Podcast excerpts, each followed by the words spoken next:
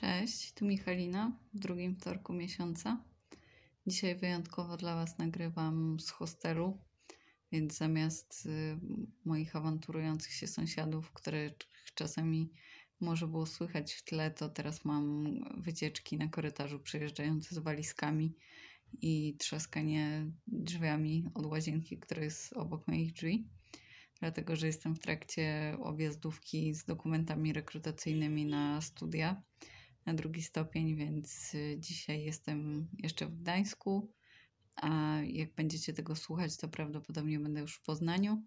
Także trzymajcie kciuki, żeby wszystko dobrze poszło i może wtedy w tym tygodniu już y, będę umiejscowiona wstępnie na jakiejś nowej uczelni. Ale temat podróżowania i temat mojej uczelni i studiów artystycznych to są dwa tematy, które będą jeszcze pewnie w innym odcinku w tym miesiącu, bo dzisiaj mamy odcinek sportowy, taki sportowo-zdrowotny trochę wyjdzie, bo chcę Wam trochę pogadać o chodzeniu i o robieniu tych 10 tysięcy kroków i jakie mam z tym doświadczenia i o co w ogóle z tym chodzi. I zaczęłam od tego, że sobie poszukałam, e, dlaczego to jest te 10 tysięcy kroków i skąd się to wzięło. E, I wyszło na to, że brzmi to tak, jakby to były jakieś zalecenia opracowane przez lekarzy albo przez naukowców, albo jakiś tam średnia czy specjalny algorytm był wymyślony, żeby to obliczyć, że to jest taka najzdrowsza ilość, ale prawda jest taka, że jedyna anegdotka, która jest w internecie na ten temat, mówi, że mm, wzięło się to stąd, że tak został nazwany w latach 60. japoński krokomierz to znaczy w tłumaczeniu na polski nazwa tego krokomierza to było właśnie 10 tysięcy kroków i to był sprzęt zrobiony dla japońskich fanów Nordic Walking, żeby mogli sobie na pasek przyczepić i sprawdzić e, jaki dystans pokonują z tymi kijami. I to właściwie o tyle mi przypomniało, że ja też miałam kiedyś z Decathlonu taki najtańszy krokomierz jak zaczynałam biegać y, w 2012 bodajże i nie miałam za bardzo kasy na żaden GPS i tak dalej, a takich zegarków monitorujących aktywność jeszcze wtedy nie było, to sobie kupiłam taki krokomierz, który się właśnie do paska przypinało i który miał na podstawie tam podskakiwania naszych bioder e, liczyć te kroki. Mm, chociaż tam był chyba tylko dystans wyświetlony, nie wiem czy tam była list, liczba kroków.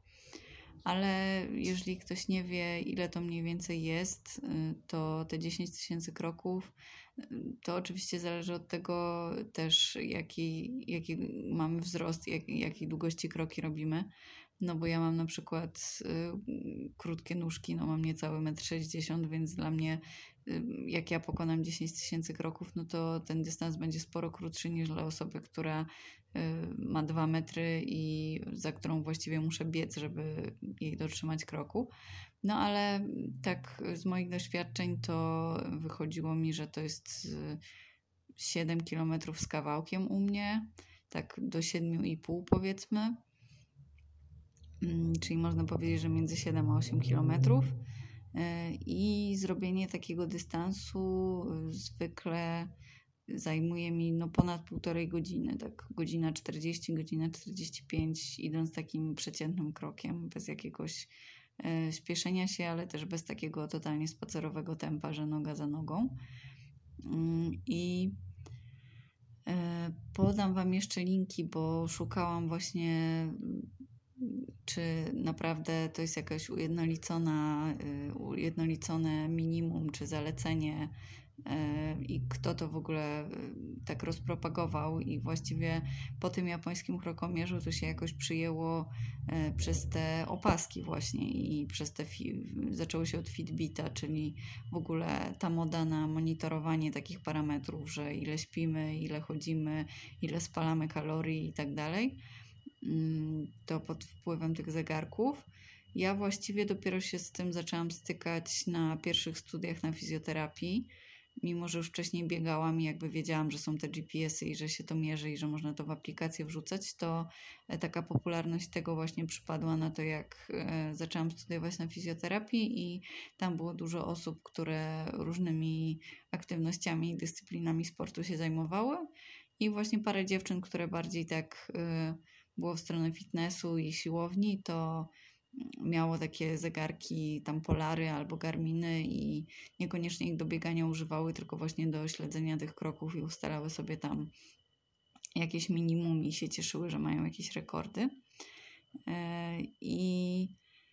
Tutaj jedno badanie, które ciekawe było, to pokazywało, że y, a propos śmiertelności i tego, ile się chodzi, że najmniejsza śmiertelność wypadła w grupie, która robiła ponad 12 tysięcy kroków mm, dziennie. Czyli właściwie to już jest w okolicach 10 kilometrów chodzenia dziennie, no to to jest moim zdaniem sporo. E, I inne za to badanie takie oceniało bardziej, jakie jest minimum potrzebne do zachowania zdrowia i jakie jest, jaka jest optymalna ilość, żeby jak najwięcej tych parametrów różnych zdrowotnych poprawić. Mm, to też Wam podlinkuję, ale w sumie tak się zastanawiałam, że trudno jest chyba bardzo zrobić takie badanie oceniające wpływ chodzenia na ryzyko zgonu czy na długość życia, no bo właściwie jaka jest bezpośrednia choroba wynikająca z tego, że ktoś za mało chodził bo to są, wydaje mi się, bardzo wieloczynnikowe sprawy i tak na przykład dużo łatwiej jest, przynajmniej w moim wyobrażeniu, ocenić szkodliwość palenia i wpływ palenia na to, ile lat krócej się żyje. No bo jednak y, osoby, które mają raka płuc nie paląc i na to umierają, to nie są jakimś dużym procentem, że jednak rak płuc jest taką bardzo powszechną. Powszechnym skutkiem palenia. Więc e, na takim przykładzie to jeszcze byłabym w stanie uwierzyć w rzetelność takich badań, ale w przypadku tego, że o ileś procent ktoś dłużej żył, dlatego że robił 12 tysięcy kroków, a nie 10, to mi się wydaje trochę podejrzane, więc będę musiała doczytać, jak e, były przeprowadzane te badania i czy to naprawdę tylko ten czynnik był brany pod uwagę. I a propos czynników, to e, w tym robieniu tych e, kroków e, są bardzo skrajne opinie. W sensie niektórzy mówią, że to jest mega mało i że to jest w ogóle oczywiste, że tyle się chodzi i że jakiś absurdalnie, że ktoś niby mówi, że to jest trudne albo że nie, nie, nie może tego wyrobić w ciągu dnia. I to są z reguły osoby, które albo mają pracę na nogach, mm, która wymaga tego, że w samej pracy robią na przykład 10-20 tysięcy kroków, a oprócz tego mają jeszcze jakieś inne aktywności. E, czyli nie jest to praca biurowa i siedząca, tylko albo jakaś praca fizyczna, albo e, wymagająca właśnie bardziej przemieszczania się. Mm, to, to jest jedna kategoria, mam wrażenie, osób, które twierdzą, że wyrabianie tych kroków jest bardzo łatwe. E, I później są osoby z psami, to zawsze, zawsze się pojawia ten motyw, e, że ilość spacerów z psem po prostu masakrycznie nam nabija aktywność. E, chyba, że ma się adoptowanego starego mopsa z astmą, to on prawdopodobnie za daleko nie pójdzie, ale mm, przy takim przeciętnym, dosyć jeszcze ak aktywnym młodym psie to się człowiek może nalatać. Mm, no i niektórzy z małymi dziećmi też mówią to samo, że więcej spacerują, że za tymi dziećmi ganiają też po domu. E, I no właśnie po domu też, jeżeli ma się dom jednorodzinny, przy którym się robi różne rzeczy i na przykład nawet piętrowy i się wchodzi po tych schodach w i z powrotem, to też bardzo nabija, więc to są takie rzeczy może, o których się nie myśli, bo jeżeli się w tym samym otoczeniu wychowaliśmy i na przykład od 10 lat mieszkamy na tym samym piętrze, gdzie powiedzmy nie mamy windy na czwarte i musimy parę razy dziennie wejść, albo właśnie mamy od zawsze psy i z tymi psami łazimy gdzieś na długie spacery, to faktycznie y, może być ta aktywność dla nas oczywista. Ale są też y, czynniki, które utrudniają to, żeby to chodzenie jakoś wprowadzać w życie, i to może być pogoda, I to nie mówię o tym, że nie wyjdę jak pada deszcz, bo jestem z cukru, ale jeżeli chcę wrócić na przykład z pracy mm, na piechotę, a jest duży deszcz, albo grad, albo śnieg, a mam na przykład ze sobą jakieś ważne dokumenty albo laptopa, to ja zawsze na przykład wioząc na uczelnię laptopa miałam stres, że w Gdańsku akurat będzie lało, bo jesienią w Gdańsku bardzo często pada i że ten laptop mi się zniszczy, zamoknie i tak dalej, więc to nie, niekoniecznie jest wymówka dla leniwych ludzi, tylko trochę troska o, o sprzęt i o wydatki ewentualne z tym związane. E, czyli pogoda tutaj może być trochę utrudniająca. Mm, I co jest trochę paradoksalne, to jest kwestia pieniężna, bo u mnie na przykład y, z jednej strony często sobie myślałam, że wrócę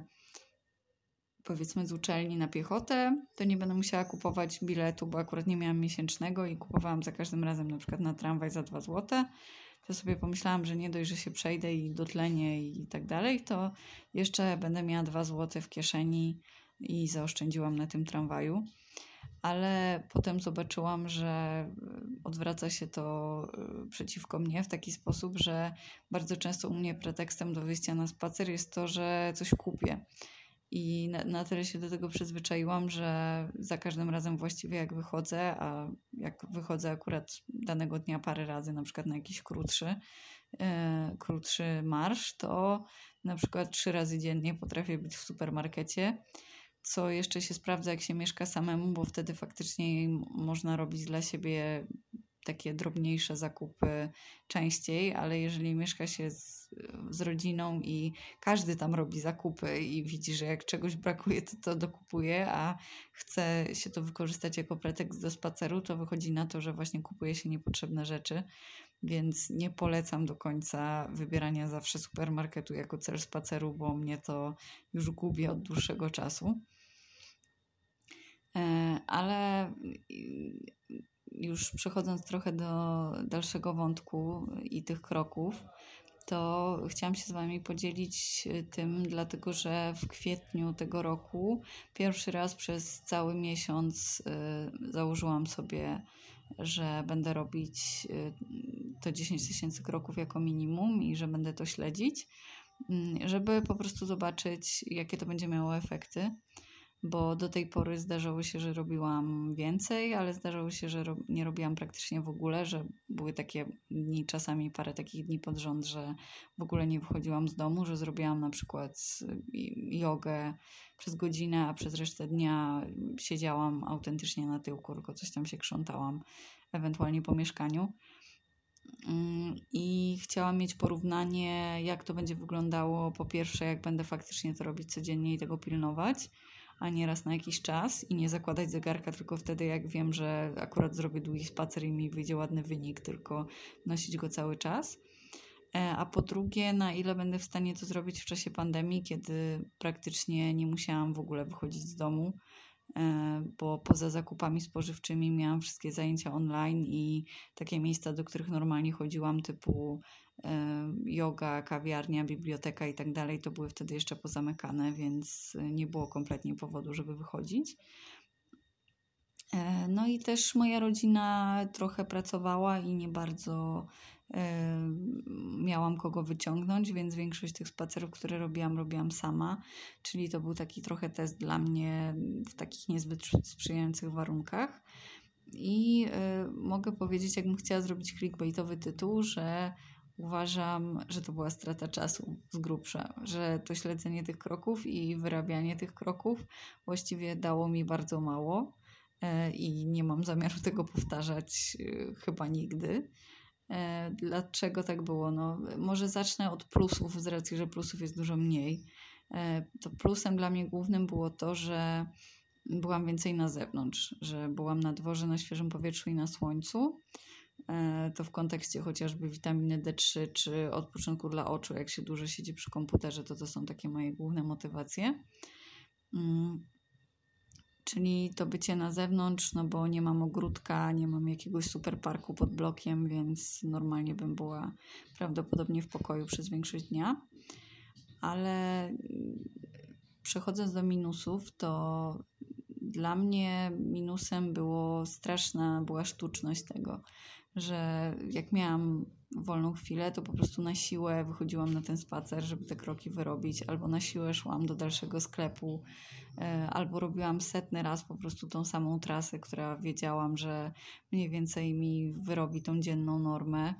E, i chodziłam nawet jak mi się nie chciało, nawet jak miałam ważniejsze rzeczy do roboty, jak miałam ochotę zrobić coś innego, jak miałam ochotę na jakąś inną aktywność fizyczną, to e, z racji, że sobie założyłam, że będę robić ten pierwszy dystans, to, to był przez ten kwiecień priorytet i nie czułam za bardzo z tego specjalnej satysfakcji. Byłam trochę bardziej rozruszana, w sensie takim, że Mm, nie, nie miałam za bardzo zakwasów, nie, nie bolały mnie jakoś wybitnie nogi po tym chodzeniu, ale miałam takie coś, że no nie byłam taka zasiedziana po prostu, że jak siedziałam nawet trochę dłużej, to później łatwiej mi było się rozprostować, wstać i jakoś rozruszać, że nie czułam się tak jak stara babcia, że potrzebuję później 10 minut podpierając się rękami, żeby się podnieść z krzesła. E, ale y, rzutowało to negatywnie za to na inne aktywności, które lubię, e, bo w trakcie ty robienia tych 10 tysięcy kroków, oprócz tego jeszcze starałam się biegać trzy razy w tygodniu albo dwa i robić jogę, no i robić jakieś tam czasami ćwiczenia w domu wtedy, bo siłownie zamknięte, jakieś ćwiczenia wzmacniające.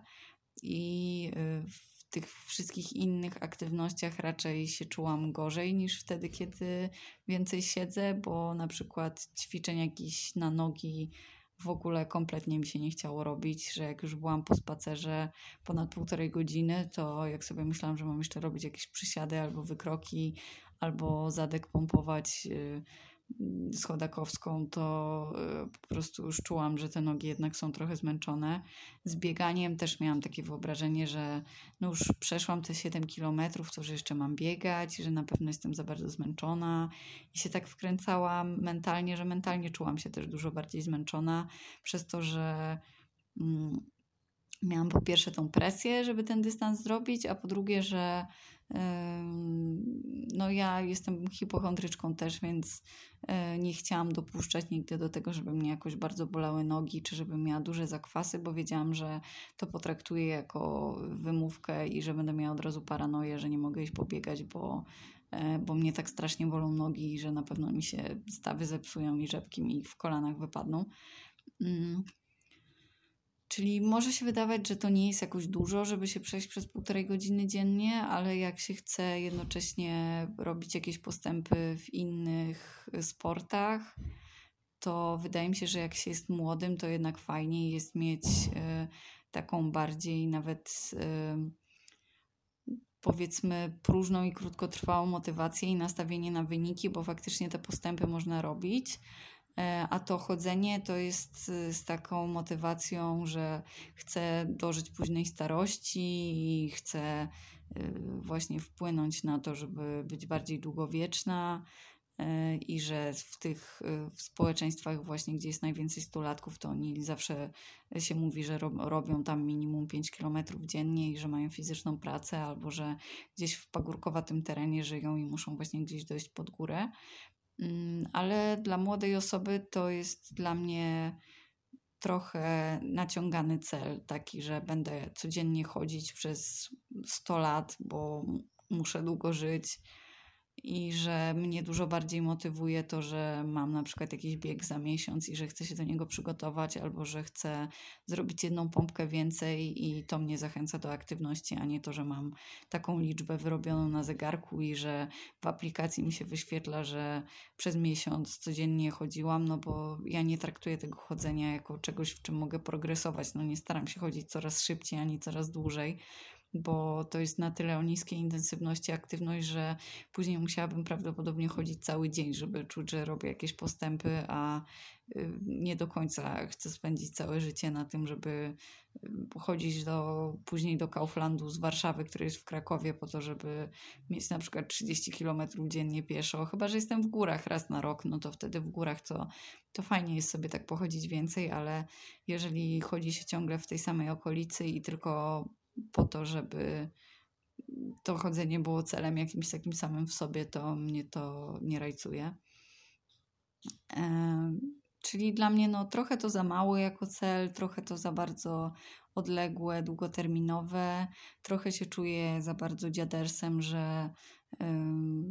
że tak muszę dbać o to, żeby się nie zasiedzieć i że trochę to jest takie zalecenie jak z sanatorium, że jest tam jakaś godzina wyznaczona na spacer. Mm, I, I nie ma tutaj tych postępów tak do końca do śledzenia. E, I nie uwzględnia to też e, taka liczba określona naszego samopoczucia i też zmiennych warunków, w jakich się znajdujemy. To, co mówiłam o tym, że czasami jest dobra pogoda, czasami mamy psa albo mamy e, okazję wrócić z pracy na piechotę, a czasami nie. I jeżeli strasznie się spinamy, że żeby nam się utrzymała dobra pasa w aplikacji, że musimy to robić na siłę codziennie i później na przykład chodzimy w mieszkaniu dookoła stołu, bo mamy 9900, a nie 10 i nam aplikacja nie zaliczy, to ja to mówię ironicznie, no ale ja też się wkręcam w takie rzeczy, bo ja lubię liczby, jestem taką trochę księgową z natury. Więc faktycznie nic mnie bardziej nie irytuje niż to, że wracam teraz ze spaceru i mam na przykład 9,5 tysiąca kroków i sobie myślę, że w ogóle ten spacer jest spisany na straty, bo powinno być 10. E, I że to jest straszna głupota, no bo, bo można powiedzieć, że oceniam wtedy, że te 9 to jest y, tak samo jak 0, no bo, bo się nie liczy, jak nie dobiłam do, do tego pułapu, który wymyślił jakiś Japończyk. Mm, więc teraz y, bardziej staram się obserwować, ile mogę chodzić i na ile mam ochotę chodzić bez śledzenia i bez używania zegarka. Mm, bo na przykład, jeżeli mam dni czy tygodnie, że mało biegam, no to y, wtedy faktycznie mam bardziej ochotę na ten spacer, bo y, inaczej bym nie wychodziła za bardzo z domu. E, albo jak y, spotykam się ze znajomymi, czy e, właśnie wyciągnę kogoś z rodziny, czy ktoś mnie wyciągnie, żeby sobie pochodzić, czy robię na przykład więcej zakupów danego dnia, to wychodzi po prostu samo z siebie, ale wtedy nie wychodzi to codziennie 10, tylko wychodzi jednego dnia na przykład 20, a jednego dnia 2 i ta średnia nie wiem jaka jest teraz, bo tego nie śledzę, ale zakładam, że niższa u mnie niż 10. Mm, tylko zobaczyłam po tym kwietniu, że nie daje mi robienie tych 10 i wyrabianie tej normy żadnej korzyści, a z drugiej strony nie jestem w stanie zweryfikować, czy to naprawdę miało taki wpływ na moją długość życia. Bo tak jak mówię, jeżeli dostanę raka płuc, no to zakładam, że to będzie od smogu i od dymu, który wdycham e, przez moich palących sąsiadów. Mm, ale co do tego chodzenia, to nie uważam, żeby było warto poświęcać na to tyle czasu e, jeszcze w młodszym wieku i używać tych zegarków i, e, i tych, robić sobie tych challenge krokowych. Chyba, że raz na jakiś czas, jeżeli chcemy zrobić serio jakiś taki wyjątkowo długi dystans, albo czujemy, że nie ruszymy się kompletnie z kanapy, a już mamy jakieś negatywne skutki tego, że się za mało ruszamy, to wtedy jako taki zapalnik motywacyjny uważam, że można tego przez chwilę używać. Ale trochę tak jak do liczenia kalorii też mam takie podejście, że jeżeli nie jest, nie mamy jakiegoś takiego celu, do którego bardzo tego potrzebujemy, to można sobie to zrobić przez jakiś czas na rozruch albo sprawdzać sobie to raz na jakiś czas, mm, a na co dzień z tego zrezygnować, żeby się za bardzo na tym nie fiksować. Mm, więc jestem ciekawa, jak Wy też podchodzicie, czy patrzycie na te swoje kroki, czy kiedyś pilnowaliście tego, żeby tyle kroków wyrabiać, albo czy uważacie, że to jest w ogóle głupota? I jak to też rzutuje u Was na inne rodzaje aktywności, i czy y, bardziej jak jesteście rozruszani, to chce Wam się robić więcej, czy jak zobaczycie, że macie te 10 tysięcy kroków, to już czujecie się tak zmęczeni, że y, unikacie y, opuszczania swojego łóżka. Bo to może działać w obie strony i bardzo łatwo jest, mam wrażenie, popaść w skrajności, jak już się przywiążemy do tego konceptu.